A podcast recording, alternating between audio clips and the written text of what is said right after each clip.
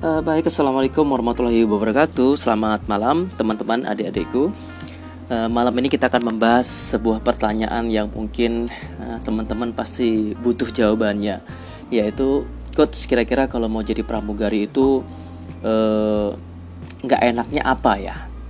Nah, kemarin kan kita sudah membahas tentang enaknya. Nah, hari ini kita akan membahas tentang apa sih sebenarnya nggak enaknya. Nah, Sebelum saya membahas detail tentang gak enaknya, saya ingin ngasih sebuah penjelasan dulu nih ke teman-teman bahwa enak atau gak enak itu adalah uh, soal rasa. Enak gak enak itu soal selera. Ini berhubungan dengan karakter pribadi kita masing-masing, dengan uh, sifat kelakuan kita masing-masing. Kalau menurut saya enak, belum tentu enak menurut kalian. Begitu juga sebaliknya. Jadi sebenarnya enak atau nggak enak itu adalah eh, tergantung situasi kondisi dan bagaimana kita menyikapinya. Ya mulai saja kita langsung bahas satu persatu kira-kira apa sih kategori nggak enaknya jadi pramugari itu. Sesuatu yang sekiranya bikin nggak nyaman bahkan mungkin bisa berujung ke hal-hal yang bikin kita nggak betah. Yuk kita bahas satu persatu. Baik eh, satu yang terkadang membuat teman-teman para pramugari itu merasa nggak uh, enak merasa kurang nyaman itu adalah ketika mereka menghadapi yang namanya morning flight. Morning flight itu adalah jadwal terbang pada pagi-pagi buta. Bukan pagi hari ya pagi buta. Di mana pesawat itu sudah bisa take off itu mungkin pukul 5 pagi. Kalau pesawat take offnya pukul 5 pagi berarti kan kita harus datang ke kantor datang ke uh, tempat pesawat kita itu untuk absen tuh setidaknya satu jam setengah sebelum saat itu take off. Berarti sekitar jam 3.30 setengah 4 pagi kita sudah harus ada di kantor. Perjalanan mungkin kita butuh sekitar satu jam. Ya berarti harus jam eh, 2.30 ya. Belum mandinya belum bangunnya. Jadi bisa kebayang bisa jadi kita jam eh, 1 itu kita baru mandi jam 2 itu kita baru mandi. Kebayang dong kalau seandainya kita mau terbang pagi eh, jam 2 kita sudah harus siap-siap untuk persiapan berangkat harus sudah mandi harus sudah wangi sudah make upan sudah rambut sudah kroisan sudah digulung-gulung.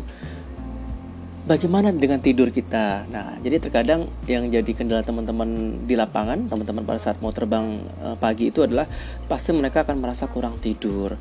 Karena sekodrat-kodratnya manusia juga sebenarnya kan malam itu adalah masa-masa untuk istirahat masa-masa untuk uh, meregangkan tubuh kita yang lelah seharian bekerja ya. Nah tapi ketika kita dituntut untuk bangun pagi, otomatis pasti rasa kantuk itu nggak akan bisa kita uh, hilangkan ya.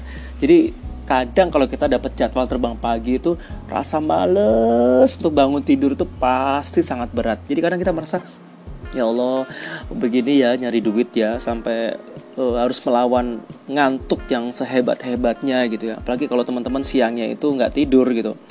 Uh, mungkin main mungkin ke mana. Jadi terbang pagi itu sebenarnya sesuatu yang agak-agak bikin kita nggak nyaman sebenarnya. Itu buat saya pribadi ya nggak tahu teman-teman yang lain. Kalau teman-teman yang biasanya uh, apa uh, bisa tidur sore mungkin bangun-bangun jam 12 bangun jam bangun jam satu pagi sih seger-seger aja. Tapi kalau buat saya kan uh, mana bisa saya tidur sore gitu ya kan. Harus harus main sama anak main main sama keluarga. Jadi sore itu ya waktunya untuk keluarga gitu. Sehingga pada saat pagi-pagi e, diminta untuk bangun lagi ya pasti kita akan kurang tidur itulah yang membuat kita kadang merasa aduh kerja kok begini ya pagi-pagi juga harus harus sudah siap berangkat kerja itu yang kadang bikin kita merasa nggak enak Baik, yang kedua adalah yang terkadang bikin kita nggak nyaman, bikin kita merasa kayak nggak betah itu adalah PAX complaint. PAX complaint ini adalah passengers complaint. Jadi terkadang kalau kita kerja itu kan pasti kita berhadapan dengan banyak sekali penumpang. Eh, satu pesawat itu bisa 180-an orang. Kalau uh, sehari kita bisa uh, dua kali terbang, bahkan mungkin sampai empat kali terbang. Bayangkan 180 kali 4 udah berapa. Jadi akan ratusan orang setiap hari yang akan ketemu dengan kita dan harus kita layani. Nah, ketika proses melayani ini pasti ada saja kita ketemu penumpang-penumpang yang mungkin bikin kita bete, penumpang yang mungkin marah-marahin kita, yang salah siapa, yang bermasalah siapa, ngedampratnya ke kita. Jadi lebih ke arah kita semacam kayak jadi uh, sebuah tempat di mana ya kalau mereka kesal dengan perusahaan kita ya ketemunya kita yang mereka marahin sama kita gitu. Padahal mungkin marahnya karena kejadian apa kejadian apa tapi tetap aja mungkin mengeluarkan unek-unek gitu ke kita. Ya sih kalau mengeluarkannya dengan cara-cara bijaksana mungkin enak-enak aja tapi kan ada beberapa penumpang yang mungkin sok kaya sok arogan sok pejabat sok artis yang merasa paling seolah-olah tuh kita dianggap kayak ah lu pelayan. Uh, mau dimarah-marahin juga bebas gue suruh-suruh juga bebas. Padahal kan itu sebuah persepsi yang salah gitu ya kan.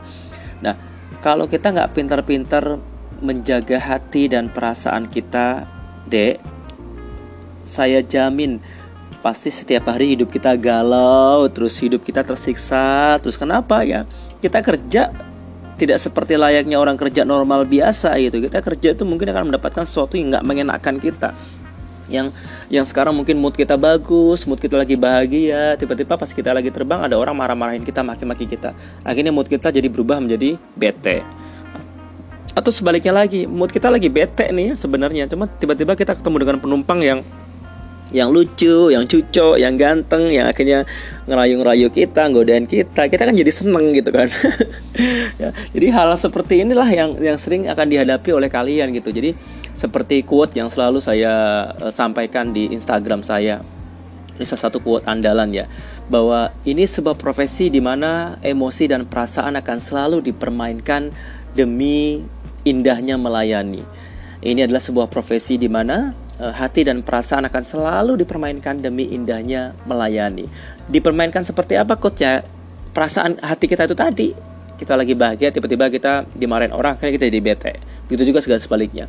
Jadi kadang kita juga akan merasa mengeluh Oh nyari duit tuh begini ya eh, Serunya dimarah-marahin orang Dimaki-maki orang untuk sesuatu yang ya, Kita tidak ketahui apa penyebabnya gitu lah belum lagi kalau urusan-urusan yang masalah delay oh kalian belum pernah ya dikepung penumpang ratusan orang hanya gara-gara pesawatnya delay terlambat dan mereka minta penjelasan kita secara secara keroyokan gitu. Ini kapan berangkatnya? Kenapa gini? Gitu. Wah itu kan kalau mental kita mental mental yang penakut mental mental yang lemah eh, kita akan merasa eh, teraniaya akan merasa sedih dan ujung-ujungnya malah kita kayak merasa ketakutan bekerja sebagai profesi ini. Karena kalau ada sesuatu yang uh, apa berhubungan dengan kekecewaan banyak orang kita jadi takut gitu kan.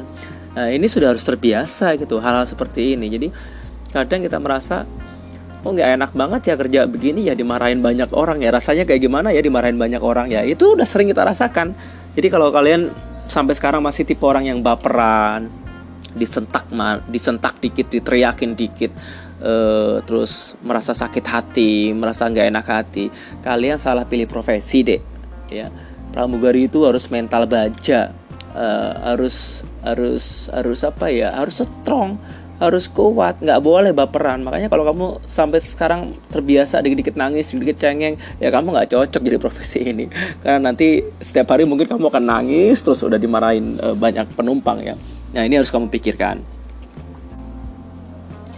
Baik, yang berikutnya adalah kadang kita merasa nggak enak hati, kadang kurang nyaman itu adalah ketika kita mendapatkan sebuah jam terbang yang panjang banget, yang jamnya itu sampai berjam-jam, bisa sampai 10 jam, sampai sampai 12 jam sehari uh, dari pagi sampai sore, berangkatnya gelap, pulangnya juga gelap juga. Ini kadang uh, membuat kita menjadi sangat letih, sangat capek sekali.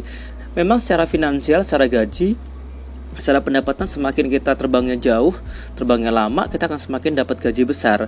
Tapi secara fisikly, secara kesehatan, secara tenaga, pikiran juga kita akan capeknya terasa sekali gitu loh.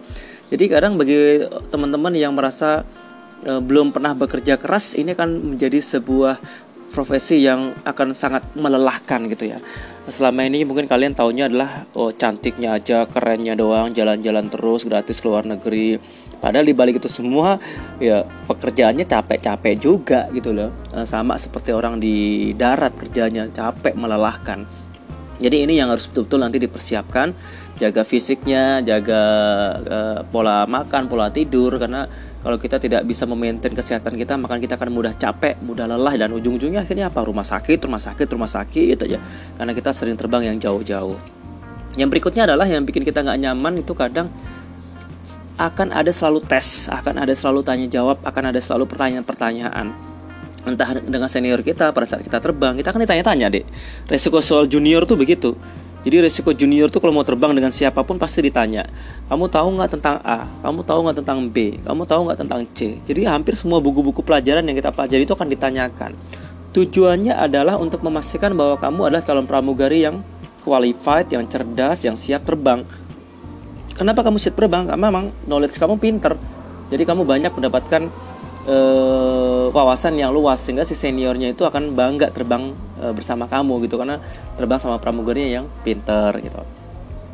Selain tes senior tanya jawab setiap kali terbang juga setiap enam bulan sekali atau mungkin tiga bulan sekali itu dicek sama instruktur setahun sekali kita harus cek kesehatan lagi kita harus ujian lagi kita harus sekolah lagi jadi bagi kalian yang nggak pernah semangat untuk mau belajar yang yang selalu capek untuk mau belajar. Kalian lagi-lagi salah profesi ya. Inilah profesi yang menuntut kita untuk belajar setiap hari belajar setiap saat. Karena tanpa belajar otak kita akan tumpul. Jadi kalau fokus kalian pengen nyari kerja yang nggak mau belajar ya salah gitu loh. Kalau kamu mau jadi pramugari ya kamu harus siap bekerja kamu juga harus siap belajar. Tuh yang kelima adalah seniority, senioritas. Uh, kemarin juga saya sudah jelaskan kenapa sih senior itu galak. Jadi ini lebih ke arah ke kemampuan pribadi kita masing-masing. Semakin kita banyak melakukan kesalahan, berarti emang semakin perlu kita harus banyak belajar.